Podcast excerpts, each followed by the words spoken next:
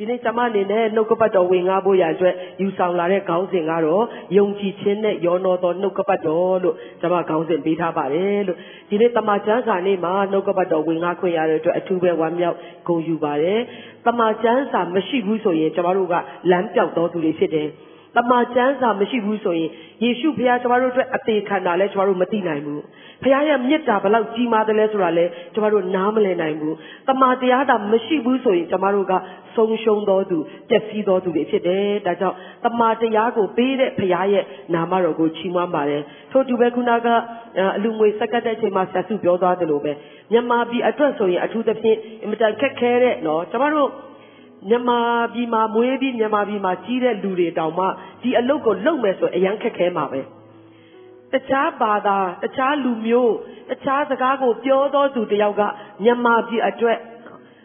တမာတရားကို original ကနေပြီးတော့ကျမတို့တွေဖတ်ဖို့နားလည်နိုင်ဖို့ရအတွက်မြန်မာကျမ်းစာကိုပြုစုရေးသားပေးခဲ့တာကဝိညာဉ်တွေလွတ်မြောက်ဖို့အတွက်ဖြစ်တယ်ဆိုတာနားမလည်ဘူးဆိုရင်တော့ အဲ့ဒီအခက်ခဲတွေကြားထဲမှာတစ်ချိန်ချိန်မှာလက်မြောက်ရှုံးပေးသွားမှာပဲသူ့ရဲ့ဆရာကြီးဦးဒတ်တရဲ့ဆုတောင်းချက်ကိုနားထောင်မယ်ဆိုရင်ကိုတော့တိုက်တွေပေးပါကားတွေပေးပါလို့သူဆုမတောင်းခဲ့ဘူးကိုတော့ပျက်စီးလျက်ရှိသောလူတွေလက်ထဲကိုကယ်နှုတ်ခြင်းနဲ့ဆိုင်သောတမန်တရားတမန်ကျမ်းစာပေးနိုင်တဲ့အထိကျွန်တော်ကိုအသက်ရှင်စေပါသူရဲ့ဆုတောင်းခြင်းကပြည့်ပါတယ်ဟာလေလုယာ ယနေ့ကျမတို့လက်ထဲမှာရောက်လာတဲ့တမန်ကျမ်းစာအဖြစ်ကျမတို့ကလွတ်မြောက်တာဖြစ်တယ်ဘယ်တဲကနေလွတ်မြောက်တယ်လဲလို့ပြောရင်ပျက်စီးခြင်းတဲကလွတ်မြောက်တာဖြစ်တယ်ဟာလေလုယာဒီနေ့သင်ရဲ့အသက်ရှင်ခြင်းသင်ရဲ့တမန်တရားကိုဖက်ထွယ်ခြင်းတမန်တရားကိုလက်တွေ့ချင်းဆောင်ခြင်းဟာလူမြောက်များစွာလွတ်မြောက်ဖို့အတွက်ဖြစ်ပါစေအထူးသဖြင့်ဒီနေ့တမန်ကျမ်းစာနေ့မှာအထူးအလူငွေကောက်ခံတဲ့အခါမှာလူမြောက်များစွာကယုံကြည်ခြင်းနဲ့ထည့်ဝင်ကြတယ်ထိုငွေကြေးတွေ တကယ်ပဲဖျားကိုတီးဖို့အလိုအပ်ဆုံးသောသူတွေရဲ့လက်ထဲမှာသူတို့မပြည့်စည်ခင်မှာရောက်သွားစေသောငွေကြေးတွေဖြစ်ဖို့ဘုရားရှင်ကောင်းချီးပေးပါစေဟာလေလုယာဒီနေ့ကျမတို့လှုပ်လိုက်တဲ့အရာလေးတစ်ခုကငွေကြေးအနှဲငယ်ပဲဖြစ်တယ်ဒါပေမဲ့အဲ့ဒီအရာကဘယ်အတိုင်းဓာတိရောက်မလဲဆိုတာကျမတို့မျှော်မှန်းလို့တောင်မရနိုင်တော့ဘူးနားမှာရှိတဲ့လူပြောပြပါအောင်သင်ဟာကြီးမားသောအမှုကိုပြုတော်သူဖြစ်တယ်လို့ပြောရအောင် ဒီတမချန်းစာနေ့ကကျွန်တော်တို့အရန်စိတ်လှုပ်ရှားရတယ်နော်ဒီအလူငွေကောက်ဖို့ရအတွက်လဲစိတ်ထဲမှာနှိုးဆော်မှုခံစားရတဲ့ခါမှာတအားဝမ်းမြောက်တယ် အပတ်တိုင်းကျမတို့ဒီမှာအလူငွေပုံးထားတယ်နော်အနဲ့ရောင်ပုံးကနှုတ်ကပတ်တော်မျိုးစေ့ဖြစ်တယ်တချို့တွေကနားမလဲကြဘူးရင်းနှီးတဲ့လူတွေကလာမေးကြတယ်တချို့တွေလည်းလာတော့မမေးဘူးဒါပေမဲ့ကျမတို့ဘာကြောင့်အဲ့ဒီလိုမျိုးတစ်ချိန်လုံးနှုတ်ကပတ်တော်အတွက်မျိုးစေ့ဆိုပြီးထားပြီးတော့အလူငွေတွေကိုကောက်ခံတယ်လေကျမတို့ကိုယ်တိုင်စိုက်ပျိုးတယ်လေဆိုရင်နှုတ်ကပတ်တော်ကပဲကျမတို့ရဲ့ယုံကြည်ခြင်းကိုတိုးပွားစေတာဖြစ်တယ် နှုတ်ကပတ်တော်ကပဲကျမတို့အသက်တာကိုကြီးထွားစေတာဖြစ်တယ်။နှုတ်ကပတ်တော်ကပဲကျမတို့ကိုလွတ်မြောက်စေတာဖြစ်တယ်။ဒါကြောင့်ကျမ်းစာကနှုတ်ကပတ်တော်ကိုဝယ်ပါတဲ့မယောင်းပါနဲ့တဲ့နော်။နှုတ်ကပတ်တော်ကိုဝင်ငှခွင့်ရတဲ့နေရာတိုင်းမှာအခချင်းဝင်ရလို့မရလို့မဟုတ်ပဲနဲ့ဝမ်းမြောက်စွာကျမတို့ဝင်ငှဖို့အတွက်နော်ပေးဝေဖို့အတွက်ဖြစ်တယ်။ဒါပေမဲ့ကိုယ်တိုင်နှုတ်ကပတ်တော်ရဖို့အတွက်ဆိုရင်တော့ဘလောက်ပဲအဘိုးခပေးရပါစေပေးနိုင်တော်သူဖြစ်ဖို့ရအတွက်နှုတ်ကပတ်တော်ကနှိုးဆော်ထားတယ်။ဟာလေလုယာ အဲကြောင့်နှုတ်ကပတ်တော်ဝယ်ပါလို့ပြောတဲ့ခါမှာအာတပိုက်ရဖို့ဘယ်လောက်ပေးရမလဲမဟုတ်ပဲနဲ့နော်နှုတ်ကပတ်တော်ကြားရဖို့နှုတ်ကပတ်တော်အသက်တာတွေကိုရောက်လာဖို့ရတဲ့ဆိုရင်အေးရေးတွေလည်းအပြတ်ခံနိုင်ရမယ်ဟာလေလုယာကိုယ့်ရဲ့အချိန်တွေလည်းဘုရားကိုပေးရရမယ်ကိုယ့်ရဲ့အစွမ်းတတ္တိတွေကိုယ့်ရဲ့ပေးလို့ရတာအကုန်လုံးပေးပြီးနှုတ်ကပတ်တော်ကိုသင်ရချင်တဲ့စိတ်ရှိတယ်ဆိုရင်တော့ဘုရားကဝါစွာကြွေးမွေးမှာဖြစ်ပါတယ်ဟာလေလုယာဆိုတော့ဒီနေ့အခြေပြုကျမ်းလေးကိုဖတ်ပါမယ်ဟေပြဲအခန်းကြီး၄အခန်းငယ်1ဖြစ်ပါတယ် ငါတို့သည်ဝမ်းမြောက်စရာတည်င်းကိုထိုသူတို့ကဲ့သို့ကြားရကြပြီတို့ရာတွင်သူတို့ကြားရသောတရားစကားသည်ကြားရသောသူတို့အထဲ၌ယုံကြည်ခြင်းနှင့်မယောနောသောကြောင့်အကျိုးကိုမပေးဒီနေ့ကျွန်တော်တို့ကနှုတ်ကပတ်တော်ကိုကြားရတယ်လူတိုင်းကကြားရတယ်ဒါပေမဲ့ယုံကြည်ခြင်းနဲ့ယောနောသောသူတနည်းအားဖြင့်ယုံကြည်ခြင်းနဲ့ဖန်ဆုပ်သောသူမှာတော့နှုတ်ကပတ်တော်ရဲ့အကျိုးကိုခံရတယ်အမတ်တမဲ့ရှိသောသူ ယုံကြည်ခြင်းနဲ့မရောဘဲနဲ့ကြားပြီးတော့ဒီတိုင်းပဲထွက်သွားသောသူကတော့ဘာအကျိုးမရမှာမဟုတ်ဘူးတဲ့လူတွေကိုအနာရောဂါငြိမ်းစေတဲ့ယေရှုကြွလာပြီနမိတ်လက္ခဏာပြုတဲ့ယေရှုကြွလာပြီလူတိုင်းကြားတယ်ဒါပေမဲ့သူလာခြင်းဟာငါအတွက်ဖြစ်တယ်ဆိုတာကိုယုံကြည်ပြီးယုံကြည်ခြင်းနဲ့ခေါ်တဲ့ဗာတိမဲကအနာရောဂါငြိမ်းသွားတယ်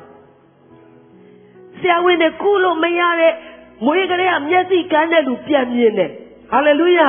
ဘယ်အချိန်မှလဲယုံကြည်ခြင်းနဲ့သူ့အတွက်လို့ခံယူတဲ့အခါမှာအသက်တာမှာအကျိုးကိုခံရတာဖြစ်တယ်။ဒါကြောင့်ဒီနေ့သင်နှုတ်ကပတ်တော်ကြားတယ်ဘာမှအကျိုးမခံစားရဘူးဆိုရင်သင်ကြားတဲ့နှုတ်ကပတ်တော်ကတကိုးနဲ့နဲ့ရော့ပြီးရောက်လာတာတင့်စီကိုရောက်လာတာမဟုတ်ဘဲနဲ့သူ့ရဲ့ဖြစ်ခြင်းသူ့ရဲ့တကိုးကတော့ဘယ်တော့မှမပြောင်းလဲဘူး။ကျွန်တော်တို့ဖမ်းဆုပ်တော်သူတွေကယုံကြည်ခြင်းနဲ့ချက်ချင်းကျွန်တော်တို့အတွက်ဖြစ်တယ်လို့ဖမ်းဆုပ်ဖို့လိုတယ်။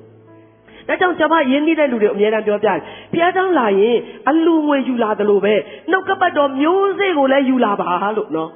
။နဲတာများအရင်မကြည့်ဘူး။ယူလာတဲ့အခါမှာအဲ့ဒါကဘာကိုပုံဆောင်လဲဆိုတော့ဒီနေ့ဘုရားငါ့ကိုတခုခုစကားပြောကိုပြောမယ်။အဲ့ဒီပြောတဲ့စကားကိုငါအပိုင်သိမ့်မယ်နော်။ဒီနေ့ဗိမာန်တော်မှာလူတစ်ထောင်လောက်လာရင်လာမယ်။ဒါပေမဲ့အဲ့ဒီတစ်ထောင်စလုံးကရတာမရတာအရင်မကြည့်ဘူး။ငါဒီနေ့နှုတ်ကပတ်တော်ကိုရမယ်။ ငါကိုဘုရားစကားပြောလိုက်မယ်ဆိုတော့ယုံကြည်ခြင်းရဲ့လှုပ်ဆောင်ခြင်းအပြင်သင်ကနှုတ်ကပတ်တော်မျိုးစစ်ယူဆောင်လာတာဖြစ်တဲ့အခါမှာဘုရားအယံဝါမြောက်တယ်။သင်ကိုနှုတ်ကပတ်တော်ကလာပြီးတို့ထီတော့မှာဖြစ်တယ်။ဟာလေလုယာ။သင်ကဖမ်းဆုပ်တဲ့အတွက်စုပ်ယူတဲ့အတွက်နှုတ်ကပတ်တော်ကမနေနိုင်တော့ဘူးအဲ့ဒီလိုလူတွေကိုလိုက်ပြီးတော့ရှာတာဖြစ်တယ်ဟာလေလုယာအမြဲတမ်းနှုတ်ကပတ်တော်ကိုအပိုင်ရသောသူများဖြစ်ဖို့ဘုရားရှင်ကောင်းကြီးပေးပါစေအာမင်ဟာလေလုယာ ဟာလေလုယာအရာအားလုံးရဲ့အထက်မှာလိုချင်စရာအကောင်းဆုံးကဘုရားရဲ့နှုတ်ကပတ်တော်ဖြစ်တယ်ဒီနေ့ကျွန်တော်တို့မိသားစုရဲ့အသက်တာဘာမှမသိတဲ့အခြေအနေတွေကနေဘာမှမရှိတဲ့အခြေအနေတွေကနေတုံညမဟုတ်ဘူးတုံညရဲ့အောက်မှာရှိတဲ့ကျွန်တော်တို့မိသားစုတွေကျွန်တော်တို့ကသူများတွေလိုမျိုးစမ်းစာကြောင်းတွေတက်ဖို့အခွင့်အရေးတွေမရခဲ့ပါဘူးအဖေကအထက်သားဆက်ယုံမှာအမှုဆောင်အမှုထမ်းဖြစ်တဲ့အခါမှာ အဲ့ဒီလိုထမ်းဆောင်နေရင်ဘုရားခေါ်တာဖြစ်တယ်အမေကအိမ်ထောင်ရှင်မတယောက်ဖြစ်တယ်ကျမတို့တွေကចောင်းသူចောင်းသားတွေဖြစ်တယ်ငါတို့အမှုတော်ဆောင်ရအောင်တင်းတော်ထောင်ရအောင်ဆိုပြီးစားခဲ့တာမဟုတ်ဘူးဘုရားကရော့နင်တို့မိသားစုဒီမှာနေဆိုပြီးတော့ထားလိုက်တဲ့ချိန်မှာကျမတို့တွေဒီရသလိုအဆင်ပြေသလိုကျမတို့ကဘုရားနောက်ကိုလိုက်ရင်းနဲ့လိုက်ရင်းနဲ့အတင်းတော်ဆိုတာဖြစ်လာတယ်အမှုတော်ဆောင်တွေဖြစ်လာတယ်သူများတက်ပို့ပြီးတော့ကျမတို့ကအတိတဲ့ຢာတွေနဲပါပါတယ်သူများတက်ကျမတို့ကပို့ပြီးတော့ဟို ရှိတဲ့အရာကတအားနဲပါပါတယ်ဒါပေမဲ့ကျမတို့ရတာတခုပဲရှိတယ်အဲ့ဒါကဖခင်ရဲ့နှုတ်ကပတ်တော်ဖြစ်တယ်တအားခက်ခဲတဲ့အခါမှာကျမတို့ဖခင်ကိုရှာရတယ်ရိုက်ခတ်မှုတွေတအားပြင်းထန်တဲ့အခါမှာကျမတို့မှာအားကိုးစရာမရှိဘူးဖခင်ကအမျိုးတွေအဆွေတွေစီကနေနှုတ်ပစ်ပြီးတော့ကျမတို့ကိုမိသားစုတစုတည်းယုံကြည်သူလုံးဝမရှိတဲ့နေရာမှာဖခင်ပို့တဲ့အခါမှာကျမတို့မှာအားကိုးစရာဖခင်ပဲရှိတယ်ခက်ခဲလာတိုင်းဖခင်ကိုခေါ်ရတယ် ယုံကန်ရတဲ့ခါတိုင်းကိုယ်ခွန်အားနဲ့မနိုင်တော့တဲ့ခါတိုင်းကျမတို့မှာဖယားကိုပဲအားကိုးစရာရှိတဲ့ခါမှာဖယားရဲ့အတန်ဖယားဘာပြောမလဲဖယားငါတို့ကိုဘယ်လိုလွတ်မြောက်စေမလဲကိုတော့နီးလည်းမရှိတော့ဘူးတခုခုတော့ကိုတော့ပြမရမယ်အရန်ဆာငတ်တဲ့နှလုံးသားနဲ့ကိုတော့ကိုရှာလာတဲ့ခါမှာကိုတော့ကယုံကြည်သူအများကြီးရှိပြီးတော့လှပခမ်းထားတဲ့ဗိမာန်တော်မှာမဟုတ်ဘူးစာငတ်ပြီးမျောလင့်တော်သူတိုင်းကိုစကားပြောတော်ဖရားဖြစ်တယ်ဟာလေလုယာဟာလေလုယာ တခါမှကျွန်တော်တို့မိသားစုအရန်ခက်ခဲပြီးတော့သားသမီးတွေကြောင်းသွားပြီးအမေကနော်အဲ့တုန်းကဆက်ဆက်ပြီးတားငယ်သေးတယ်ကြောင်းမတက်သေးဘူးတရက်မှာ तू အခန်းထဲမှာယောက်ျားလည်းလှုပ်သွားပြီးသားသမီးတွေလည်းမရှိတော့ဘူး तू မျက်ရည်ချပြီးတော့အယူလိုပဲငိုပြီးတော့ဆူတောင်းတယ်ကိုတော့တလားတလားလန့်စာလည်းအလင်းမမီဘူးသားသမီးတွေကကြောင်းတက်ကြတယ်ဝင်ငွေကတယောက်တည်းရဲ့ဝင်ငွေဖြစ်တယ်အရန်ခက်ခဲတဲ့ကိုတော့ဆိုပြီးတော့ तू တအားမျက်ရည်ချပြီးဘာလှုပ်လို့ဘာကန်ရမှမသိပဲနဲ့ဖះကိုခေါ်တဲ့အချိန်မှာဖះက မျက်လုံးဖွင့်ပြီးတော့ပဒင်းပေါက်ကိုကြည့်ခိုင်းတယ်သူကြည့်လိုက်တဲ့အချိန်မှာငှက်ကလေးတစ်ကောင်ကိုမြင်တယ်ဖခင်ရဲ့ပြောတဲ့စကားကကျမ်းစာထဲမှာမဟုတ်တော့ဘူးအမေစီကိုရောက်လာတယ်အဲ့ဒီငှက်ကလေးကိုကြည့်စမ်းဘာမှတန်ဖိုးမရှိဘူးမဟုတ်လားဒါပေမဲ့ငါဖန်ဆင်းထားတဲ့ငှက်ကလေးတစ်ကောင်တောင်မှအစာငတ်ပြီးငါမြေပေါ်ကိုမကြခိုင်းဘူးနေနဲ့နေမိသားစုကဒီစာငှက်ကလေးထက်ပိုပြီးတော့အများကြီးတန်ဖိုးရှိတယ် ငါမင်းတို့ကိုပြစ်မထားဘူးငါတာဝန်ယူတယ်ဆိုတဲ့စကားအမေစီကိုရောက်လာတဲ့ခါမှာကျမ်းစာထဲမှာအဲ့လိုအဲ့လိုပြောရမဟုတ်တော့ဘူးဖခင်ပြောတဲ့စကားကြီးရောက်လာတဲ့ခါမှာခုနကခက်ခဲတဲ့ထမ်းရတဲ့ဝင်တွေများလို့ငိုကြွေးနေတဲ့အမေကအဲ့ဒီနေရာမှာပဲဘာရွှေထုတ်ငွေထုတ်မှမရောက်လာသေးဘူးကားလက်ခုံလက်ဘုရားကိုချီးမွမ်းလာတယ်ဟာလေလုယာဟာလေလုယာနှုတ်ကပတ်တော်ကိုသင်တကယ်ဆောင်ရတယ်ဆိုရင်သင်ရှိတဲ့နေရာမှာဘုရားကစကားပြောနိုင်တော်ဘုရားဖြစ်တယ် ကျမတို့အမြဲတမ်းအခုချိန်ထိဝင်ခံနေတယ်စကလုံးတစ်လုံးပဲဖြစ်ပေမဲ့အဲ့ဒါကအသက်နဲ့ဘဝနဲ့ရင်းပြီးကျမတို့နားလည်တဲ့အရာကဘာလဲဆိုတော့ဖယားကအမြဲတမ်းအဖြေရှိတော်ဖယားဖြစ်တယ်ဖယားထဲမှာအဖြေမရှိတဲ့ပြဿနာတစ်ခုမှမရှိဘူးဖယားမဖြေရှင်းနိုင်တဲ့ပြဿနာတစ်ခုမှမရှိဘူးကျမတို့လူကိုမေးတယ်ဆိုရင်လူကဟာအဲ့ဒီကန္တငါသိမသိဘူးငါမကျွမ်းဘူးလို့ပြောကောင်းပြောလိမ့်မယ်အဲ့ဒီအရာအတွက်အဖြေငါမှမရှိဘူးလို့ပြောကောင်းပြောလိမ့်မယ်ဖခင်ကတော့အမြဲတမ်းအဖြေရှိတော်ဖခင်ဖြစ်တယ် ဟာလေလုယာအဲ့ဒီအဖြေအဲ့ဒီသူပြန်ပြောလာတော့သူ့ရဲ့စကားတော်ကိုအမြဲတမ်းဆောင်ငတ်တော်တက်တာဖြစ်ဖို့ဘုရားရှင်ကောင်းကြီးပေးပါစေတခါတလေမှာကျွန်တော်တို့တက်တာမှာနော်အားငယ်ခြင်းတွေစိတ်ပြက်ခြင်းတွေမကြာခဏနေရာယူတတ်တယ်ဒါပေမဲ့ခုတလောဘုရားကကျွန်မကိုဘာစကားပြောလဲဆိုကျွန်မတို့ကဒါအားငယ်နေတာကျွန်မတို့ကိုအယံအားကြတော့သူတယောက်ရှိတယ်အဲ့ဒါကစာတန်ဖြစ်တယ်စာတန်ကကျွန်တော်တို့ရဲ့ဖြစ်တည်မှုကျွန်မတို့ရဲ့ယက်တည်မှုကျွန်မတို့ရဲ့ကောင်းကြီးကို तू ကတားမနာလို့ဖြစ်တာနော် ဒါကြောင့်တင်တားကြီးစိတ်ဓာတ်မကြနဲ့နော်တင့်ကိုအယံအားကြနေတော့သူရှိတယ်တတိထားဖို့လိုအပ်တယ်သူကတစ်ချိန်လုံးတင့်ကိုချောင်းမြောင်းနေတယ်ဘာလို့လဲဆိုတော့တင့်အထဲမှာရှိတဲ့ကောင်းကြီးကို तू ကတားလို့ချင်တာလေနော်ဖခင်ကလူကိုဖန်ဆင်းတဲ့အခါမှာသူ့ရဲ့ပုံတရံနဲ့အညီဖန်ဆင်းတာဖြစ်တယ်ဟာလေလုယာသူ့ရဲ့ပုံတရံနဲ့အညီတတရံနဲ့ဘုရားကဖန်ဆင်းတယ်အဲ့ဒါကစာတန်အနှစ်သက်ဆုံးသောအရာဖြစ်တယ်စာတန်တအားကြိုက်တယ် စာတန်ကဖရားလိုဖြစ်နေတာလေဟာငါဖရားလိုဖြစ်ရင်သိကောင်းပါပဲငါသာသူ့လိုဟာကိုးကွယ်ခံပြီးတော့နော်ငါကအာအမြင့်ဆုံးသောရမှာရှိမယ်ဆိုရင်သိပျော်စရာကောင်းပါပဲသူ့ရဲ့လိုချင်တဲ့အရာကိုဖရားကဘု து ထဲမှာထည့်ပေးလဲလို့ပြောရင်ကျမတို့တွေထဲမှာထည့်ပေးလိုက်တာဖြစ်တယ်ဟာလေလုယာဟာလေလုယာအဲ့ဒါစာတန်ကမြင်တော့တအားလိုချင်တာနော် ဖခင်ရဲ့ပုံတရံနဲ့ညီဖန်ဆင်းထားတဲ့ဒီလူသားတွေကိုငါရရင်ကောင်းပါပဲနော်သူတို့ကငါခိုးလို့ရရင်သူတို့စီကနေငါခိုးလို့ရရင်ဖြည့်ဆည်းလို့ရရင်သိကောင်းပါပဲလို့သူကတစ်ချိန်လုံးစဉ်းစားနေတာကစာတန်ဖြစ်တယ်အနားမှာရှိတဲ့လူပြောပေးပါဦးအားမငယ်နဲ့တင့်ကိုအားကြတဲ့သူရှိတယ်လို့ပြောပေးပါဦး ကျမတို့ကတခါလေးတိုက်အရန်အားငယ်တတ်တယ်နော်စိတ်တကြတတ်တယ်ဘာမှမပိုင်တယ်လို့လိုမျိုးကိုကိုကိုခံစားတယ်တကယ်တော့မဟုတ်ဘူးကျမတို့ဟာဖခင်ရဲ့ပုံတရံနဲ့ညီဖန်ဆင်းခြင်းကိုခံရတော်သူများဖြစ်ပါတယ်ဆိုတော့ကျမတို့ရဲ့ဖြစ်တည်မှုအစကိုနားလည်တယ်ဆိုရင်ဖန်ဆင်းစားကအခြေအနေကိုနားလည်တယ်ဆိုရင်အားငယ်စရာအကြောင်းမရှိဘူးဒါပေမဲ့တခုတော့ရှိတယ်ကျမတို့ရဲ့စကားနားမထောင်ခြင်းအဖြစ်နော်ဖះကိုပုံကန်ခြင်းအဖြစ်အပြစ်ပြုခြင်းအဖြစ်လူသားမျိုးနွယ်ကတရှုံးသွားတယ်ဆာရန်ကတိတ်ပြောတာပေါ့ ဒါပေမဲ့ဖခင်ကကျမတို့ကိုသိချစ်တော်ဖခင်ဖြစ်တယ်။ထိုကြဆင်းသောနေရာမှာထိုဆုံးရှုံးသောနေရာမှာကျမတို့ကိုမထားခဲ့တော်ဖခင်ဖြစ်တယ်။ပြန်ပြီးတော့ကျမတို့ကိုရွေးနှုတ်ကယ်တင်ပြီးတော့မူလနေရာမှာပြန်ထားတော်ဖခင်ရဲ့မြစ်တာဖြစ်တယ်။ဟာလေလုယာ။ခရစ်တော်အသေးခံတဲ့အခါမှာသင်တဲ့ကျွန်ုပ်ကိုငရဲကနေလွတ်စေယုံလောက်မဟုတ်ပဲနဲ့ဖန်ဆင်းစားကနေရာဘုရားခင်ရဲ့အကြံစီတော်ကျမတို့ကိုဖြစ်တည်စေသော original နေရာမှာပြန်ထားတော်ဘုရားဖြစ်တယ်။ hallelujah အဲ့ ဒါကိုအရင်နားလည်စေချင်တယ်နော်ဒီခါလေးမှာကျွန်တော်တို့အာယေရှုငါ့ကိုကယ်တင်တယ်ငရဲကနေလွတ်မြောက်တယ်ကောင်းလိုက်တာဒါကဟိုအရေးကြီးဆုံးဖြစ်ပါတယ်မှန်တယ်ဒါပေမဲ့ဖခင်ရဲ့ကယ်တင်ခြင်းကအဲ့လောက်မကဘူးနော်တင်းတဲ့ကျွန်ုပ်ကိုရှည်ရင်ဆွဲနေရမှာပြန်တည်စေတော်ဖခင်ဖြစ်တယ်ဒါကြောင့်ခုတလောဒီအာခရစ်တော်၌အတစ်ဖြစ်တော်လဆိုတဲ့ခေါင်းစဉ်ကိုကျွန်မစင်ကျင်နှလုံးသွင်းတဲ့အခါမှာဖခင်ကဘာကိုနားလည်စီလဲဆိုအတစ်ဆိုတာကလေအပြင်ပန်းမြင်ရတဲ့ဟို အယောင်တွေအပြင်မဲ့မြင်ရတဲ့တစ်တလူလိုဖြစ်လာဖြစ်တာတွေမဟုတ်ပဲနဲ့အတစ်လို့ကျွန်တော်တို့ပြောတိုင်းမှာသူ့ရဲ့ထုတ်လုံလိုက်တဲ့အတိုင်းရှိနေခြင်းကိုအတစ်လို့ခေါ်တာဖြစ်တယ်။နားလည်နိုင်ဖို့ဘုရားကောင်းကြီးပေးပါစေ။ဥပမာဖုန်းတစ်လုံးကိုကျွန်တော်တို့ဝယ်တဲ့အခါမှာနော်သူ့ရဲ့ packing ကိုဖွင့်လိုက်တယ်နော်အားအားတွေဘာတွေသွင်းတယ်ကျွန်တော်တို့နာမည်တွေဘာတွေထည့်တယ် download လုပ်ဆရာရှိတယ်လို့ဆို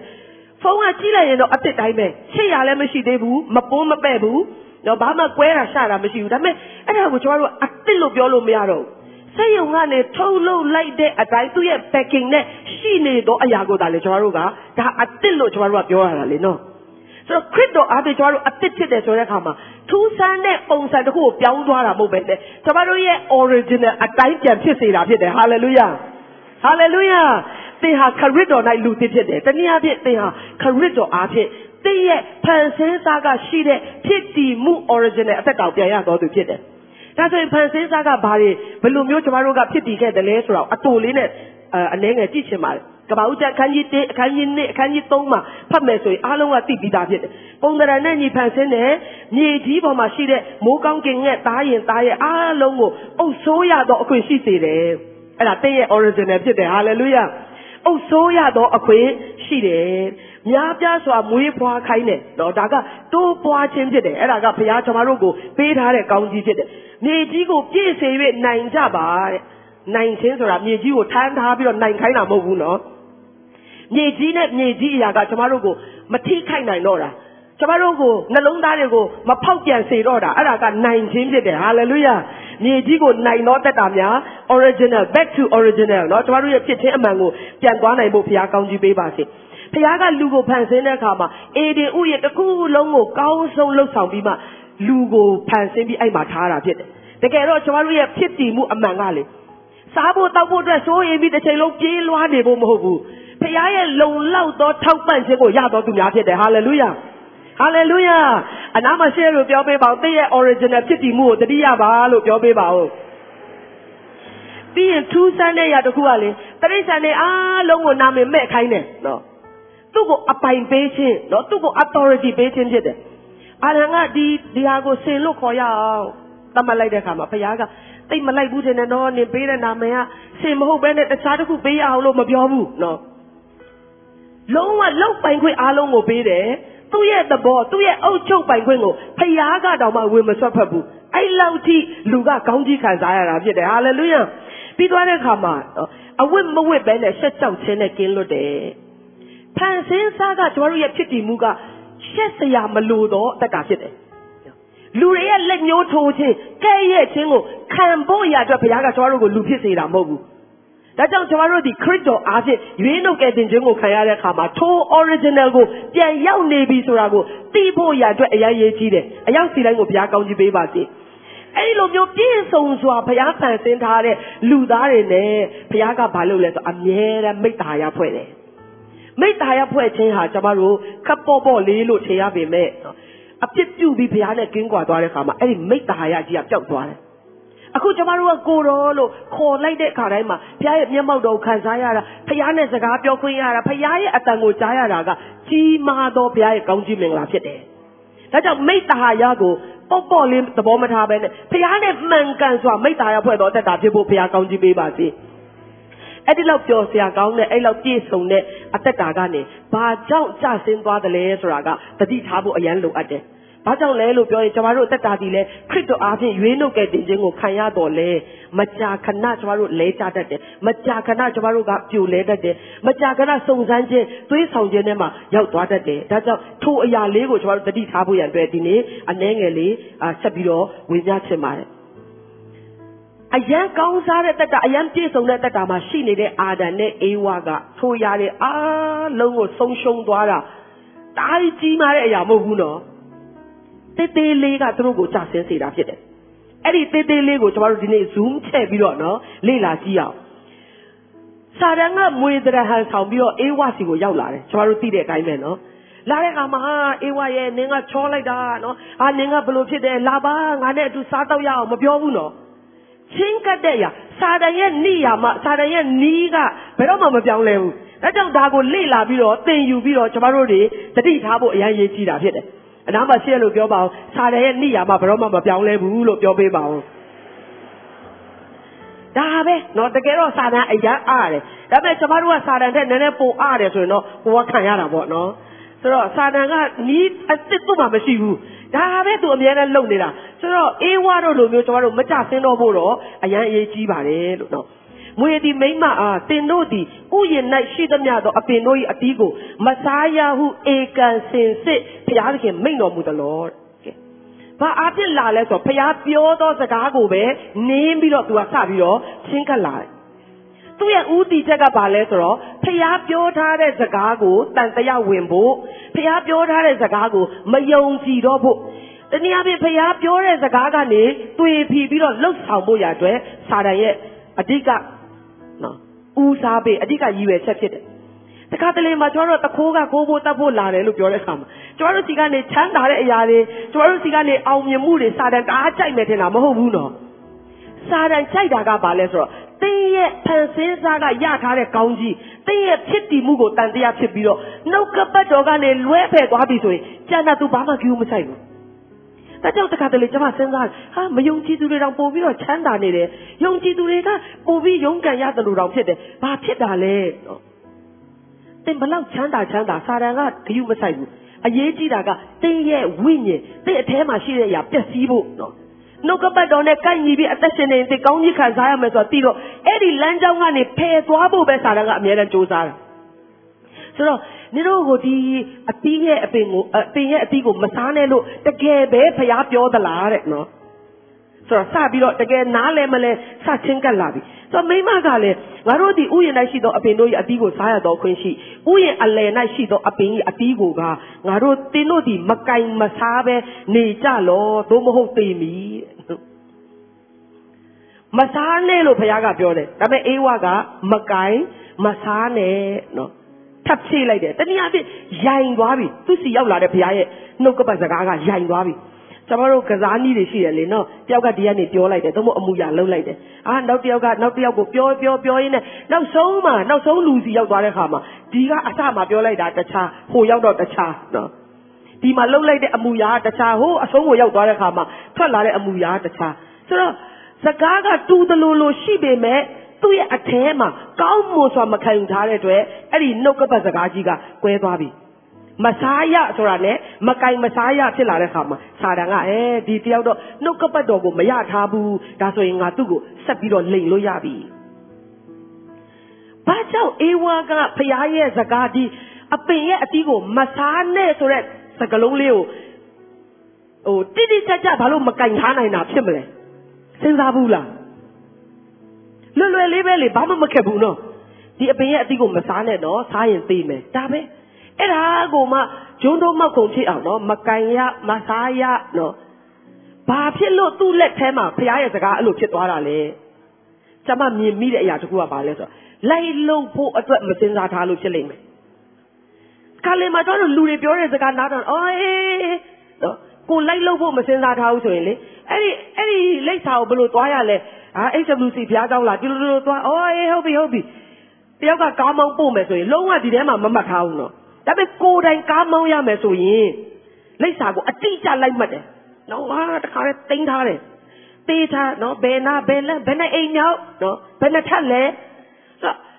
လိုက်လို့မယ်လို့စဉ်းစားတယ်ဆိုရင် तू အဲ့လောက်ထိခြေချော်လက်ချော်ဖြစ်စရာအကြောင်းမရှိဘူး ယောရှုမတ်စာအခန်းကြီး1အခန်းငယ်8မှာဗာပြောထားလဲဆိုတော့ထိုပညတ်တိကျမ်းစာ၌ရေးထားသမျှအတိုင်းကြည်မီဟုစောင့်ရှောက်ခြင်းအလို့ငါကျမ်းစာကိုမဖတ်မရွတ်ဘဲမနေနေညာမပြတ်ကြည့်ရှုဖတ်ရရမည်ထို့သောပြုလင်တင်းသည်အကြံထမြောက်၍အောင်မြင်လိမ့်မည်တဲ့နားမရှိရလို့ပြောပေးပါနော်ကျေးဇူးပြု၍ကျမ်းစာဖတ်တဲ့အခါမှာလိုက်လို့ဖို့ဖတ်ပေးပါလို့ပြောပါအောင်ကျမတို့ငယ်ငယ်တုန်းကအဖေကဝန်ထမ်းဆိုတော့ သူတို့ရဲ့သက်ဆိုင်တဲ့ဝင်ကြီးဌာနဆိုင်ရာဝင်ကြီးတွေအလုတ်တဲကိုအလုတ်ယုံတဲကိုရောက်လာပြီဆိုရင်သူတို့ကဘာလုပ်ရလဲဆိုတော့မတ်စုစာအုပ်နဲ့ဘောပင်နဲ့တခါတည်းလိုက်ရတယ်လိုက်သွားတယ်ဘာဖြစ်လို့လဲနော်ဟိုကမာတာမဟုတ်ဘူးစောင်းယူခဲ့တော့ဘောပင်ယူခဲ့တော့မှားစရာမလိုဘူးတခါတည်းပါတယ်ဘာလို့လဲဆိုတော့သူတို့ရဲ့အထက်လူကြီးကတခုခုခိုင်းနေဆိုရင်အကောင်ထဲပေါ်ရမယ်လိုက်လို့ရမယ်သူကသူတို့ဖြစ်တဲ့အတွက်မကြားလိုက်လို့လို့ပြောလို့မရဘူး နားကြားလွဲသွားတယ်လို့ပြောလို့မရဘူးလိုက်လို့ကိုလုံရမှာဖြစ်တဲ့အတွက်သူတို့ကမှတ်သားရတယ်ဒီနေ့တင်နှုတ်ကပတ်တော်ကိုဘယ်လိုဖတ်တယ်လဲနှုတ်ကပတ်တော်ကိုဘယ်လိုခံယူတယ်လဲဆိုတာတမန်ကျမ်းစာတနင်္ဂနွေနေ့မှာကြံလည်ပြီးတော့သုံးသပ်ရအောင်လုံเสียမလိုတဲ့အရာတခုကိုဖတ်နေတယ်လို့မျိုးဖတ်တယ်ဆိုရင်ဒီနေ့ကစပြောင်းလဲပါဟာလေလုယာဟာလေလုယာဒါကြောင့်ပိဋကကျမ်းတွေကိုတဲ့ဖတ်တဲ့အခါမှာတဲ့ကျင့်ဆောင်မယ်ဆိုတဲ့စိတ်နဲ့ဖတ်ပါတဲ့အဲ့ဒါဆိုရင်အကြံထမြောက်ပြီးအောင်မြင်လိမ့်မယ် ကျမ်းစာဆိုတာပုံပြင်နားထောင်တယ်လို့နားထောင်ဖို့မဟုတ်ဘူးလိုက်လို့ဖို့ဖြစ်တယ်ဟာလေလုယာဟာလေလုယာဟာလေလုယာဒီအရာကိုစောက်ကင်ပြီးတော့ပြန်သွားနိုင်ဖို့ဘုရားကောင်းကြီးပေးပါစေအေဝါကမစားနဲ့လို့ပြောတဲ့စကားကိုလိုက်လို့ဖို့သူတေချာမှတ်သားတယ်ဆိုရင်ထပ်ဖြည့်စရာလည်းမရှိသလိုတုတ်ပစ်စရာလည်းအကြောင်းမရှိဘူးသူစိတ်ထဲမှာခံယူကြတဲ့ကကိုက तू က တိတ်လုတ်เสียမလိုတဲ့အရာတစ်ခုလိုသဘောထားမိတဲ့အတွက်ဖြစ်လိမ့်မယ်လို့ကျွန်မသုံးသပ်တယ်ဒီနေ့ဝင်ကြီးလာတာတောင်မှနော်ဒီမှာဘာလို့တော့ဘာလို့တော့ပြောတဲ့ဟာဆိုရင်ကိုအသေးလဲလိုက်မရတယ်နော်မကြားလိုက်ဘူးဆိုတာမရှိရဘူးဟာတခါလေမှတ်သားပြီးလို့ရှိရင်ပြန်လေ့လာဩဒါလုပ်ဖို့ပြောထားတယ်ဒါဘယ်အချိန်မှလုပ်ရမယ်ဘယ်လောက်အချိန်ကြာကြာအချိန်ရတယ်ဘယ်အချိန်အပြီးလုပ်ရမယ်ဆိုတာကိုမှတ်သားရတယ်ဘာကြောင့်လဲမေ့လို့မရဘူးမကြားလိုက်ဘူးလို့ပြောလို့မရဘူးအကောင့်ထဲပေါ်ကိုပေါ်ရတာဖြစ်တယ် ဒါကြောင့်ဘုရားကျောင်းလာတဲ့အခါမှာမတ်စုတွေယူလာပါဘောပင်တွေယူလာပါဟာလေလုယာကျမ်းစာကွက်ကိုဖတ်တဲ့အခါမှာလေဘုရားငါ့ကိုဘာခိုင်းမလဲဘုရားငါ့ကိုဘာပြောမလဲလိုက်လို့ဖို့ရအတွက်ဆုံးဖြတ်ချက်နဲ့ဖတ်တော်တတ်တာဖြစ်ဖို့ဘုရားရှင်ကောင်းကြီးပေးပါစေအဲ့မှာသူ့စိတ်ကူးထဲမှာ तू ကတအားကြီးလိုက်လို့ဖို့မစင်စားထားလို့နေပါပေါ့နော်မကင်မစားရလို့ပြောတဲ့ခါမှာ စာတန်ကဘာပြောလဲမွေကလည်းအဲ့လိုမဟုတ်ဘူးတဲ့သင်တို့ဟာဧကံမှသိရမှာမဟုတ်ဘူးဒီအတိကိုစားတော့နေမှာမျက်စိပွင့်လင်းပြီးတော့ကောင်းမကောင်းကိုသိပြီးဖျားသခင်ကဲ့သို့ဖြစ်မယ်နောက်တစ်ဆင့်တက်လာတယ်သူ့ရဲ့ဖြစ်တည်ခြင်းသူ့ရဲ့ဖြစ်ခြင်းအမှန်ကိုနားမလည်တော့ဖို့ရအတွက်နော်တန်တရားဖြစ်သွားဖို့ရအတွက်စာတန်ကနောက်တစ်ဆင့်တက်လာဖျားကဲ့သို့ဖြစ်မယ်တဲ့တကယ်တော့ဖျားကသူ့ပုံတရံနဲ့ညီဖန်ဆင်းထားပြီးသားလေနော် နှုတ်ကပတ်တော်ကိုသင်နားမလည်ဘူးဆိုရင်လေစာတန်ကသင်ကိုတာ၍နဲ့တော့မှောင်မအရက်ကိုဆွဲခေါ်သွားလိမ့်မယ်တတိထားဖို့လိုတယ်အာမင်ယုံကြည်သူတယောက်ကိုခိုင်ခန့်စေတာကဘုရားရဲ့နှုတ်ကပတ်တော်ပဲဖြစ်တယ်ယုံကြည်သူတယောက်ကိုစုံစမ်းခြင်းကိုအောင်မြင်စေနိုင်သောခွန်အားကဘယ်ကနေရလဲဆိုတော့နှုတ်ကပတ်တော်ကနေပဲရတယ်ဒါကြောင့်ကျမ်းစာကပြောတယ်ယုံကြည်ခြင်းဟာကြားနာခြင်းအဖြစ်ဖြစ်တယ်ကြားနာခြင်းဆိုတာကဖခင်ရဲ့နှုတ်ကပတ်တော်ကိုကြားနာခြင်းဖြစ်တယ် ယေရှုသည်အနောက်အနားမှာရှိတယ်လို့ပြောပေးပါအောင်ယုံကြည်ခြင်းခိုင်ခံ့ဖို့အတွက်နှုတ်ကပတ်တော်များများကြားဖို့လိုတယ်လို့ပြောပေးပါအောင်ဖျားကဲတော့ဖြစ်မယ်ဆိုတော့တကယ်ဆိုရင်သူကနားလည်ထားတယ်ဆိုရင်ဟဲ့ဖျားကဲတော့ထပ်ဖြစ်ဆရာမလို့ဘူးငါတို့ကပုံတရံနဲ့ညီဖန်ဆင်းထားပြီးသားလို့ပြောဖို့ပဲဒါပေမဲ့အေဝါကပြန်မပြောနိုင်တော့ဘူးဒီနေ့စာတန်ရဲ့ပြစ်မှတ်ကဘာလဲဆိုတော့သင်ရဲ့ဖြစ်တည်မှုကိုနားမလည်ဖို့ရာအတွက်ဖြစ်တယ် သင်နှုတ်ကပတ်တော်ကိုအပိုင်မရဖို့ရအတွက်စာတန်ရဲ့လှုပ်ဆောင်ချက်ဖြစ်တယ်ဒါကိုနေ့တိုင်းနားလည်ပြီးတော့လိုက်လျှောက်သက်ရှင်နိုင်သောတက်တာဖြစ်ဖို့ဘုရားကောင်းကြီးပေးပါစေယေရှုကအယမ်းချစ်စရာကောင်းသောဘုရားဖြစ်တယ်အာရနဲ့အေဝါကနှုတ်ကပတ်တော်ကိုတိတိကျကျနားမလည်ဘူးသူတို့ရဲ့ဖြစ်တည်မှုကိုနားမလည်ဘူးဝေဝါးတဲ့အတွက်ကြောင့်သူတို့ကြဆင်းတယ်ဘလောက်ဆုံးရှုံးတယ်လဲနော်လူသားမျိုးနွယ်စုတစုလုံးကြဆင်းသွားတယ်ဒါပေမဲ့ယေရှုက တရားမှတရားလူစားတိကိုခံယူပြီးလူသားတယောက်ဖြစ်တဲ့လောကမှာအသက်ရှင်တဲ့ချိန်မှာစာတန်ကသူ့ကိုစုံစမ်းတယ်ဝိညာဉ်တော်ကတောရက်ကိုခေါ်သွားတယ်စာတန်ကသူ့စီကိုလာပြီးစုံစမ်းတယ်ရက်ပေါင်း40လုံးလုံးအစာမစားထားတဲ့ယေရှုစီမှာစာတန်ကဘာလာပြောတယ်လဲဖျားသားမှန်တယ်ဆိုရင်တဲ့ဒီကြောက်ခဲကိုမုတ်ဖြစ်ခိုင်းပြီးတော့စားလိုက်ပါလားတဲ့စကားလေးကတခွန်းပဲဖြစ်ပေမဲ့အဲ့ထဲမှာအကုန်လုံးပါတယ် ဖျားသားမှန်ရင်အေးဝါလိုပဲသူ့ရဲ့ဖြစ်တည်မှုကိုနားမလဲလောက်ဘူးလို့ထင်လို့စာတန်ကစတင်ကတ်တာယေရှုကအာငါဖျားသားမှန်တယ်လေးပြမယ်မလုပ်ဘူးအာနမိတ်လက္ခဏာတွေဝုံတိုင်းကျဲပြီး तू မလုပ်ပြဘူးသူဒီဖျားသားဖြစ်မှအယမ်းစိတ်ချတဲ့အတွက်တက်တယ်မလို့ဘူးဟာလေလုယာဟာလေလုယာနမိတ်လက္ခဏာတစ်ခုခုလုံနိုင်မှဖျားသားဖြစ်တာမဟုတ်ပဲနဲ့ဖျားသားဖြစ်လို့သင်ဟာနမိတ်လက္ခဏာထဲမှာအသက်ရှင်နေတော်သူဖြစ်တယ် ဟာလေလုယာဟာလေလုယာအေးဝါကြရှုံးခဲ့တဲ့အရာအလုံးယေရှုကပြန်လဲပြီးတော့နော်အောင်မြင်စွာနဲ့ကျွန်တော်တို့အတွက်ရှောက်လန်းခဲ့တာဖြစ်တယ်။နေဖျားသားမှန်တယ်ဆိုရင်တဲ့ဒီကြောက်ခဲကိုမုတ်ဖြစ်အောင်လုပ်ပြီးတော့စားပါလား။ယေရှုကအော်ဟုတ်သားပဲမပြောဘဲနဲ့ဘာပြန်ပြောလဲ။ကျမ်းစာလာဒီကလူဒီမုတ်အားဖြင့်သာအသက်ကိုမွေးရသည်မဟုတ်ဘုရားသခင်မိန်တော်မူသမျှအဖြစ်အသက်ကိုမွေးရတယ် ယေရှုကကျမ်းစာကိုမဝေဝါဘူးအေးဝလိုမျိုးဟာရတယ်လို့လို့မရတယ်လို့လို့တိတယ်လို့လို့မတိတယ်လို့လို့မဟုတ်ဘူးဟေးစာတန်လာပြီးတော့ငါ့ကိုမစုံစမ်းနဲ့နှုတ်ကပတ်တော်ကဒီလိုဆိုထားတယ်လူကမုတ်အားဖြင့်ပဲအသက်ကိုမွေးရတာမဟုတ်ဘူး။ဘာအားဖြင့်အသက်မွေးတယ်လဲဆိုရင်ဖခင်ရဲ့နှုတ်တော်တဲ့စကားဖြင့်အသက်ကိုမွေးရတယ်။စာတန်ပက်လက်လန်သွားတယ်။ဟာလေလုယာ အေးဝတုန်းကတော့ရှုံးနေသွားတယ်ယေရှုလက်ထက်ကျတော့အောင်မြင်ခြင်းနဲ့ပြန်လည်ပြီးတော့ကျွန်တော်တို့အတွက်ကြွေးကြော်ခဲ့တဲ့အသက်ရှင်ခဲ့တဲ့ဖခင်ဖြစ်တယ်ဟာလေလုယာဟာလေလုယာဒါကြောင့်ယေရှုလိုပဲနော်သင်ရဲ့ဖြစ်တည်မှုအမှန်ကိုဘယ်အရာကြောင့်မှတန်တရားမရှိပါနဲ့သင်ဟာဖခင်သားဖြစ်တယ်သင်ဟာခရစ်တော်ကိုလက်ခံသောကြောင့်လူသစ်ဖြစ်တယ်ဖခင်ရဲ့အမွေခံသားဖြစ်တယ်ဟာလေလုယာအဲ့ဒီမူဒုနဲ့ထားလာတဲ့ချိန်မှာလည်းဖခင်သားပဲ ဆယ်တန်းစာကူပဲကြားတဲ့အချိန်မှာလည်းဖျားသားပဲဟာလေလုယာဆန်အိုးထဲမှာစားစရာမရှိတဲ့အချိန်ဖြစ်နေရင်တောင်မှသင်ဟာဖျားသားပဲဖျားသားသမီးများလက်ခုပ်တီးလက်ထုတ်ဖျားကိုတစ်တစ်ပတ်ပြန်လဲချီးမြှောက်ကြရအောင်စာရန်ကလာပြောလိုက်မယ်နင်အခုချိန်ပိုက်တအားစားနေတယ်လေနင်စားစရာမရှိဘူးမလားအရက်40လုံးလုံးအစာရှောင်ထားတာနော် အဲ့ဒါကကျမတို့ရဲ့ဖြစ်တည်မှုကိုမပြောင်းလဲစေဘူးဒါကိုသင်နားလဲတယ်ဆိုရင်စာတန်ကလုံးဝသင်ရဲ့အသက်တာမှာမအောင်မြင်နိုင်ပါဘူးဟာလေလုယာနောက်တစ်ခုကယေရှုကပြန်ပြောလဲကျမ်းစာလာဒီကကျမ်းစာလာဒီကကျမ်းစာလာဒီကလို့ပြောတယ်ကျမခုတလို့အဲ့ဒါကိုစဉ်းစားတဲ့အခါမှာအယံခွန်အားရတယ်နှုတ်ကပတ်တော်ဖျားစကားကိုနားမလဲလို့ကြဆင်းတဲ့အေဝသူ့အားဖြင့်လူသားမျိုးနဲ့တစုလုံးကြ ဆင်းသွားတဲ့အချိန်မှာပြန်လေကဲနှုတ်ဖို့ရတဲ့ခရစ်တော်ဒီလူသားတိခံယူတဲ့အခါမှာ12နှစ်အရွယ်မှာနှုတ်ကပတ်တော်အားလုံးကိုနားလည်နေပြီကျမ်းစာထဲမှာမရေးထားပေမဲ့ယေရှုခရစ်တော်ဘုရားကနှုတ်ကပတ်တော်ကိုလုံးဝပိုင်နိုင်နေဖို့ရတဲ့သူကဆုံးဖြတ်ထားပြီးသားအချိန်ပေးထားပြီးသားနော်စားတယ်လားစုံစမ်းမှကျမ်းစာကောက်ဖတ်ပြီးကျမ်းစာကောက်လန့်တဲ့ဘုရားမဟုတ်ဘူးအသက်12နှစ်အရွယ်မှာနော်ဘုရားသားမလို့အုံဖွားဆိုပြီးတော့ကျမ်းစာတွေအားလုံးအလွတ်ရသွားတာမဟုတ်ဘူး ပေချာလေ့လာတယ်ကျမ်းတက်ပုဂ္ဂိုလ်များတဲ့ဗိမာန်တော်ထဲမှာအချိန်ယူပြီးတော့ဆွေးနွေးနိုင်သော12နှစ်အရွယ်ယေရှုခရစ်တော်ဘုရားဖြစ်တယ်အကြောင်းကတော့လူသားဖြစ်ပေမဲ့စာတန်ကသူ့ကိုဖျက်ဆီးလို့မရဘူးစုံစမ်းလို့မရဘူးနှုတ်ကပတ်တော်နဲ့ပြည့်သောတတ်တာဟာအမြဲတမ်းအောင်မြင်သောတတ်တာဖြစ်တယ်ဟာလေလုယာဟာလေလုယာခရစ်တော်ကငါဖျားသားပဲစာတန်ဘလို့ပဲလာလာငါနိုင်ပါပါမပြောဘူးသူ့အထဲမှာနှုတ်ကပတ်တော်ကိုသူအပြည့်ထည့်ထားတယ် ဒီနေ့တမန်ကျမ်းစာနေ့မှာကလေးသူငယ်တွေကျမ်းစာအလွတ်မြောက်များစွာဒီစင်မှာမှာမတက်တော်လဲပြိုင်ပွဲဝင်တဲ့လူတွေအားလုံးကထိုကျမ်းစာတွေကိုအလွတ်ရတယ်ဒါနဲ့တည်းကျွန်တော်တို့တမန်ကျမ်းစာနေ့လုပ်ရတာအရန်တန်နေပြီဟာလေလုယာလူရှိမှစုမရရင်တောင်မှဖခင်ကတော့ကြီးမားသောစုကိုချမယ်ဆိုတာယုံကြည်တယ်ဟာလေလုယာဟာလေလုယာနာမစင်လို့ပြောပြပါဦးနှုတ်ကပတ်တော်နဲ့ပြည့်ရင်စာတန်ဘယ်တော့မှမနိုင်ဘူးလို့ပြောရအောင်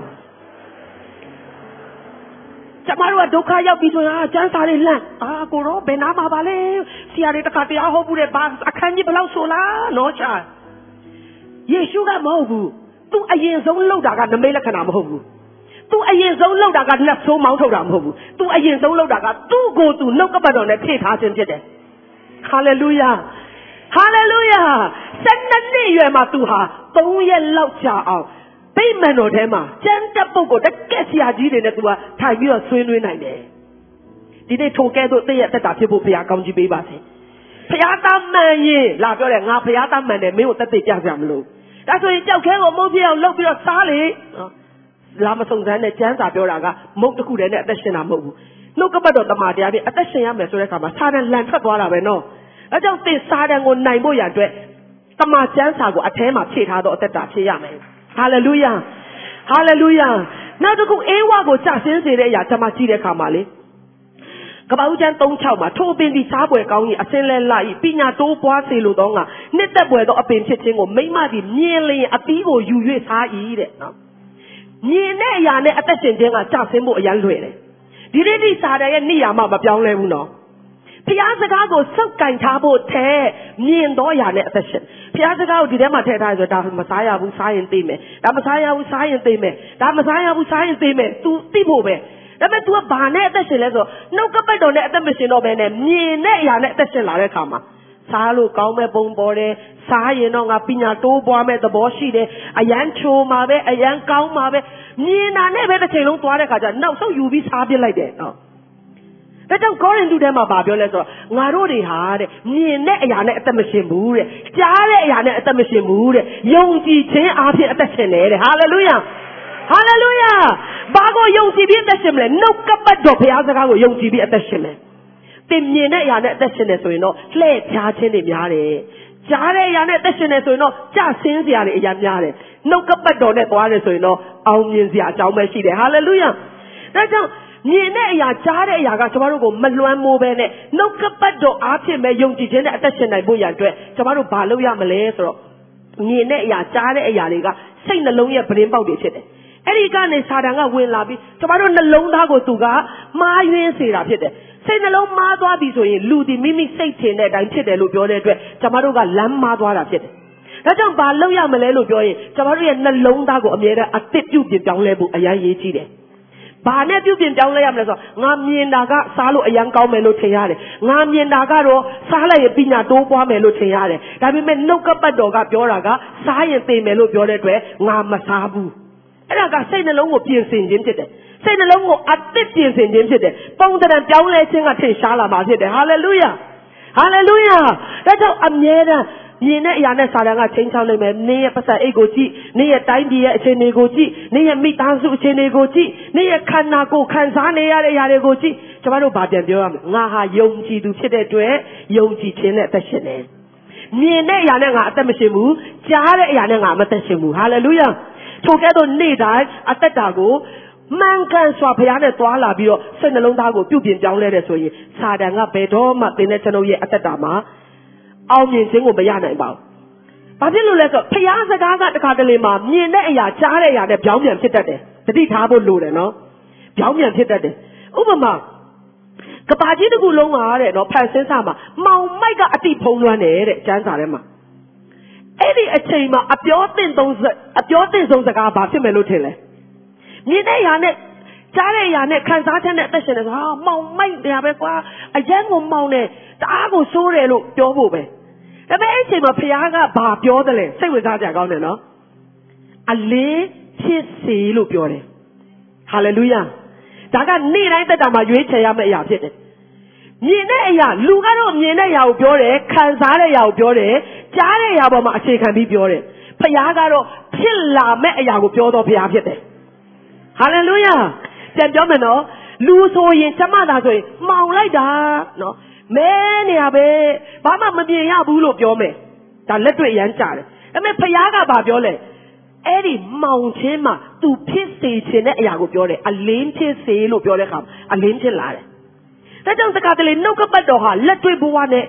တစ်ထက်တည်းမကြတယ်လို့ခံစားရတဲ့အချိန်ရှိမယ်လက်တွေ့မကြတယ်လို့မျိုးမြင်ရတဲ့အချိန်ရှိမယ်အဲ့ဒီအချိန်မှာကျွန်တော်တို့ရွေးချယ်ရမှာကမြင်တဲ့အရာနဲ့အသက်ရှင်မလားနှုတ်ကပတ်တော်တိုင်းအသက်ရှင်မလား နှုတ်ကပတ်တော်ကိုဖမ်းဆုပ်တယ်ဆိုရင်ယုံကြည်ခြင်းနဲ့ဖက်တွယ်လိုက်တယ်ဆိုရင်အဲ့ဒီအချိန်မှာနှုတ်ကပတ်တော်ရဲ့အကျိုးကိုကျွန်တော်တို့ကခံစားရတာဖြစ်တယ်ဟာလေလုယာဟာလေလုယာအဲကြောင့်ဖခင်ပြောတဲ့စကားဟာသင်ရဲ့လက်ရှိအခြေအနေနဲ့လက်တွေ့ကျစွာတိုက်ဆိုင်မှုရှိခြင်းမရှိမယ်ဒါပေမဲ့နှုတ်ကပတ်တော်ကိုဖက်တွယ်ပါအကြောင်းကတော့သင်ရဲ့လက်တွေ့ရှိနေတဲ့အခြေအနေကိုပြောင်းလဲမဲ့နှုတ်ကပတ်တော်ဖြစ်တယ်ဟာလေလုယာ လက်တွေ့မှာမချမ်းမအောင်မချမ်းမအောင်ခေါင်းကိုက်တယ်ခါနာတယ်နော်အာထိုင်လို့မကောင်းဘူးထားလို့မကောင်းဘူးဒါပေမဲ့အဲ့ချိန်မှာဘုရားရဲ့နှုတ်ကပတ်တော်ကပါမင်းကဖြားနာတော်သူဖြစ်တယ်မင်းကထိုင်လို့ထားလို့မကောင်းဘူးမင်းကအသက်ကြီးပြီမင်းကခါနာတယ်ဆိုတာနှုတ်ကပတ်တော်ကမပြောဘူးသင်ဟာဒဏ်ချက်တော်အပြင်ကျမ်းမာတော်သူဖြစ်တယ်လို့နှုတ်ကပတ်တော်ကပြောတာဖြစ်တယ်ဟာလေလုယာဟာလေလုယာ အဲ့တော့အခြေအနေမကောင်းဘူးကြည်ရင်တော့ဟာမျောလင်းစရာမရှိဘူးဘာမှအာဒီလိုချိန်မှာတော့ဒီလိုပဲဖြစ်မှာပဲလောကပြောလိုက်မယ်ဒါပေမဲ့နှုတ်ကပတ်တော်ကဘာပြောတယ်လဲဆိုတာကိုစိတ်ဝင်စားတော့တက်တာဖြစ်ဖို့ဘုရားကောင်းကြီးပေးပါစေဘာကြောင့်လဲလို့ပြောရင်နှုတ်ကပတ်တော်ဟာအသက်ရှင်တယ်နှုတ်ကပတ်တော်ဟာဖြစ်စေနိုင်သောတကူနဲ့ပြည့်တယ်ဟာလေလုယာဆိုလိုတာကနှုတ်ကပတ်တော်ထွက်လာပြီဆိုရင်စကလုံးပဲမဟုတ်တော့ဘူးအဲ့ဒီထဲမှာဖြစ်စေနိုင်သောတကူကပါလာတာဖြစ်တယ် အလင်းဖြစ်စေဆိုတာစကားလုံးပဲမဟုတ်တော့ဘူးအဲ့ဒီအလင်းကိုခေါ်ဆောင်လာသောစကားလုံးဖြစ်တယ်ဟာလေလုယာနှုတ်ကပတ်တော်မှာအသက်ရှိတယ်နှုတ်ကပတ်တော်ဟာဖျားဖြစ်တယ်နှုတ်ကပတ်တော်ကအလုံးလုံးတယ်နှုတ်ကပတ်တော်ကစကားလုံးမဟုတ်ဘူးဆိုတာကိုနားလည်ဖို့အရန်ပဲအရေးကြီးတယ်ဒီအရာကိုနားလည်သွားတယ်ဆိုရင်တည့်ရဲ့အသက်တာဟာထူးခြားကိုထူးခြားလာမှာဖြစ်တယ်ကျမ်းစာတစ်ပိုက်ကိုကျွန်မဖတ်ချင်ပါတယ်ဟေရှာယအခန်းကြီး55အခန်းငယ်30 17မှာ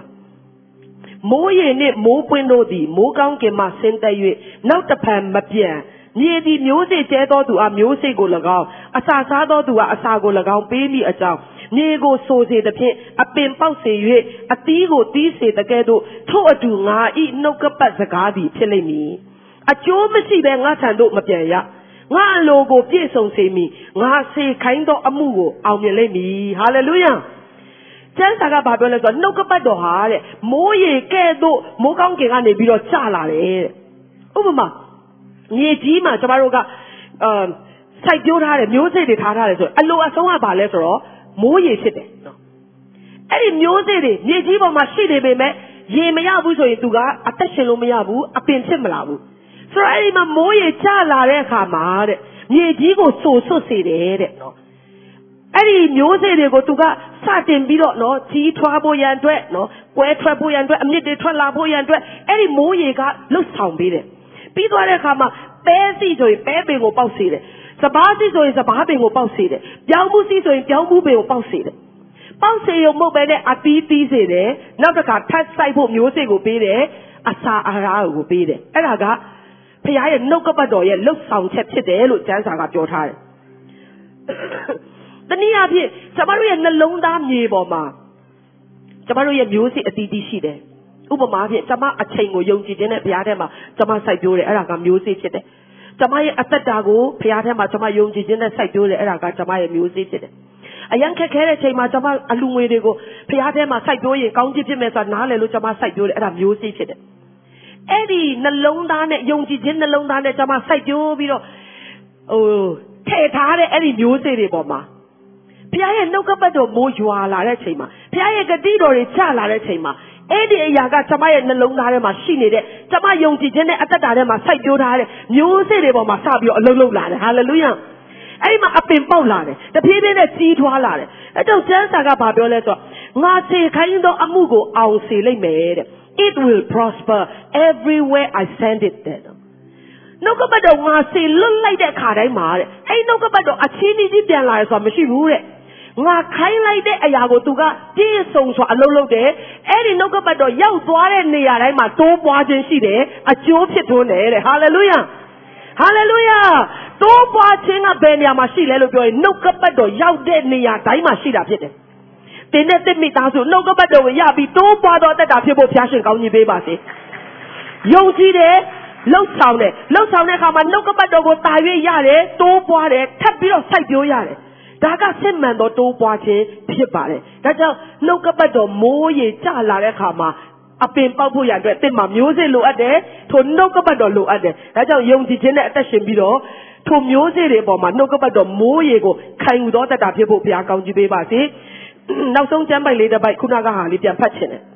ဘာဖြစ်လို့လဲဆိုရင်ဘုရားကကျမတို့တခုခုစကားပြောတဲ့အခါမှာအချီးနီးအလဟတနော်ဟာတတို့လိန်တဲ့စကားတို့ပြောတဲ့ဘုရားမဟုတ်ဘူး သူပြောတဲ့စကားဟာကျမတို့အသက်တာမှာအပင်ပေါက်ဖို့အသီးသီးဖို့အလုတ်လုတ်ဖို့သူကစကားပြောတာဖြစ်တယ်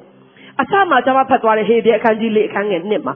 ငါတို့သည်ဝမ်းမြောက်စရာသတင်းစကားကိုထိုသူတို့ကဲ့သို့ကြားရပြီးတို့ရာတွင်သူတို့ကြားရသောတရားစကားသည်ကြားရသောသူတို့အထဲ၌ယုံကြည်ခြင်းနှင့်မယောနောသောကြောင့်အကျိုးကိုမပေးအာဗြဟံရဲ့တက်တာထဲမှာနောက်နှစ်ဒီလိုချိန်မှာသားကိုရမယ် လက်တွေ့နဲ့ဖျားစကားနဲ့လုံးဝဟတ်ဆက်မှုမရှိဘူးဒါပေမဲ့အဲ့ဒီကြားရတဲ့စကားကို तू ကဘာလုပ်ရလဲဆိုတော့ယုံကြည်ခြင်းနဲ့ယောနောရတယ်ထေပြဲထဲမှာဗာပြောထားလဲဆိုတော့ तू ကသူ့ခန္ဓာကိုယ်အသေးကဲ့သို့ဖြစ်တယ်သူမိမဝမ်းကလည်းသေနေပြီဆိုတာလုံးဝအတိမမပြုတ်ပဲနဲ့လုံးဝအုံနောက်ထဲမှာမစင်းစားပဲနဲ့နော်လုံးဝအဲ့ဒါအတွက်နေရာမပေးပဲနဲ့တစ်ချိန်လုံးနှုတ်ကပတ်တော်ကပြောတယ်ငါတို့ကသားရမယ်နှုတ်ကပတ်တော်ကပြောတယ်ဖခင်ကပြောတယ်ငါတို့ကသားကိုရမယ် စိတ်ဆွဲလန်းပြီးတော့သူကအဲ့ဒါနဲ့ပဲအသက်ရှင်တဲ့အခါမှာလက်တွေ့မှာအကောင့်ထဲနဲ့ EZD ဟူသောဂတိတော်သားကိုရတယ်ဟာလေလုယာသူသာမယုံကြည်ခဲ့ဘူးဆိုရင်ဖျားစကားကဖျားစကားသူ့ရဲ့အသက်တာမှာအကျိုးဖြစ်လာကြအကြောင်းတခုမှမရှိဘူးပိုးချုပ်နေမှန်ဂျော်ဒန်မြစ်ထဲမှာခုနှစ်ချိန်ရေနစ်ပါရေချိုးပါတင်းရဲ့နူနာယောဂပျောက်မယ်သူလည်းလူဖြစ်တဲ့အတွက်ချက်ချင်းယုံကြည်ခြင်းနဲ့သူမယောနောနိုင်ဘူး ဟဲ့ဂျော်ဒန်မြစ်တဲ့ပိုတန်းတဲ့မြစ်တွေငါတို့တိုင်းပြည်မှာအများကြီးရှိတယ်ဖျားခင်လူကထွက်လာပြီးတော့အိုးဘိုးချုပ်ကြီးဒီထီတော့မှလာသလားဝမ်းတာလိုက်တာယေရှုနာမနဲ့ကြောက်စေဆိုပြီးတော့ငါ့ကိုခေါင်းကနေခြေထောက်ထိပုတ်တက်ပြီးဆူတောင်းပေးမယ်လို့ထင်တာဒီကြော်ရမြစ်ထဲမှာရေချိုးဖို့ခိုင်းတာတော့တော့ငါမလုံနိုင်ဘူးပြန်လဲဖို့သွားတယ်ကြည့်တော့ယုံကြည်ခြင်းနဲ့နှုတ်ကပတ်တော်ကိုပေါင်းပေါ်စေတဲ့ဖက်တွယ်တဲ့အသက်တာနဲ့နှုတ်ကပတ်တော်ကိုယုံကြည်ခြင်းနဲ့လက်မခံတဲ့အသက်တာအယံကွာတယ်ဆိုတော့သူတပည့်ဟာတခင် ပြန်မဲ့စာဒီတိလာပြီးမှတော့တအားခက်တာလည်းမဟုတ်ဘူးလှုပ်လိုက်ပါလို့ပြောတဲ့ခါမှာအော်ကဲဘာဖြစ်ဖြစ်လှုပ်လိုက်မယ်ဖះလူပြောတယ်ဆိုတော့ဆိုတော့အဲ့ဒီဖះစကား तू ကြားတဲ့စကားကိုယုံကြည်ခြင်းနဲ့ယောနောပြီးတော့လက်တွေ့ဂျော်ဒန်မြစ်မှာခုနှစ်ကြိမ်ရေချိုးတဲ့ခါမှာနော်ရေထဲမှာစိမ်ပြီးပြန်ထလာတဲ့ချိန်မှာဘာနဲ့မှကုလို့မပြောက်တဲ့နူနာယောဂပျောက်ယုံတာမကသူ့ရဲ့အသက်တာဟာသူငယ်ရဲ့အသားရည်ကဲ့သို့ဘုရားရဲ့ကောင်းကြီးကိုခံစားရတယ်ဟာလေလုယာ ထို့သူပဲမေတော်မာရိအပြိုလေးတယောက်ဖြစ်တယ်လူငယ်လေးတယောက်ဖြစ်တယ်နော်တင်ဟာဝိညာဉ်တော်အားဖြင့်ပရိသေတွေဆွဲယူမယ်ဟာမဖြစ်နိုင်ဘူးမဖြစ်နိုင်ဘူးကျမကယောက်ျားနဲ့မပေါင်းပေါ်ဘူးဘူးဒါပေမဲ့ဖခင်ကမဟုတ်ဘူးတင်ဟာမင်္ဂလာရှိတော်သူဖြစ်တယ်သားကိုရမယ်အဲ့ဒီသားဟာဝိညာဉ်တော်အားဖြင့်ဖြစ်တယ်လူတွေကိုကယ်တင်မယ်ပြောတဲ့အခါနောက်ဆုံးသူကအဲ့ဒီစကားကိုဘာလုပ်လိုက်လဲဩကျမဟာကိုရောရဲ့ဂျုံမဖြစ်ပါတယ်ကိုရောရဲ့အလိုတော်တိုင်းကျမရဲ့တက်တာထဲမှာဖြစ်ပါစေလုံးဝမဖြစ်နိုင်တဲ့ အဖြစ်ပြက်ကြီးကသူ့ရဲ့တက်တာထဲမှာရောက်လာတယ်ဒီနေ့ဖခင်စကားပြောတဲ့အခါမှာဘိုလ်ချုပ်နေမှန်ကဲ့သို့တင်မကြိုက်တဲ့ဖခင်တင်မခံယူနိုင်တဲ့ဖခင်စကားဖြစ်ကောင်းဖြစ်လိမ့်မယ်မာရိကဲ့သို့လုံးဝမဖြစ်နိုင်ဘူးလို့တင်ငင်းမိတဲ့စကားမျိုးဖြစ်ဖြစ်ကောင်းဖြစ်လိမ့်မယ်အာဗြဟံအယံတားလို့ချင်ပေမဲ့ဟုတ်ကဲ့လို့ပြောနိုင်ဖို့တအားခက်ခဲကောင်းခက်ခဲလိမ့်မယ်ဒါပေမဲ့ယုံကြည်ခြင်းနဲ့ယောနောပါဘုရားစကားကြားတဲ့အခါမှာယုံကြည်ခြင်းနဲ့ဖက်တွယ်ပါဟာလေလုယာဒါငါ့အတွက်ဖြစ်တယ်ဆိုပြီးတခါတည်းဖန်ဆုပ်လိုက်ပါ